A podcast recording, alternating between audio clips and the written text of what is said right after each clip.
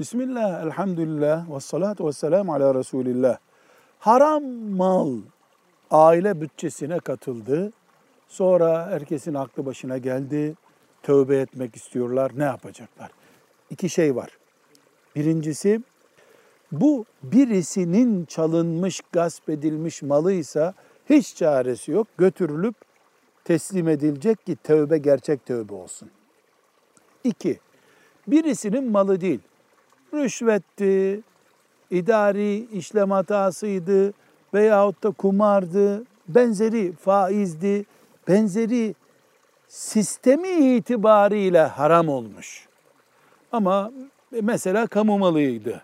Sistem itibariyle kasaya konmasında haramlık olan haram kazançlarda ise ne yapılacak? Elbette tövbeden sonrasını konuşuyoruz. Tövbe edip de etmedikten sonra bu dosya kapanmaz. Ne yapacak? Hemen o para çıkarılıp sadaka olarak bir yere verilecek. Yani sadaka verilecek bir yere verilir. Yoksa haram paradan sadaka olmaz.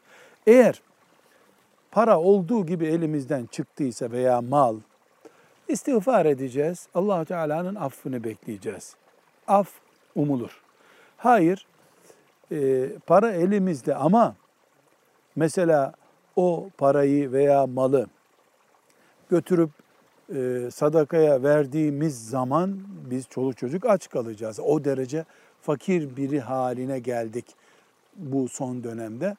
Allah gafurur rahimdir. Tövbemizi sağlam yapacağız ve affını umuyacağız. O parayı sadakaya götürüp vermek gerekmez. Velhamdülillahi Rabbil Alemin.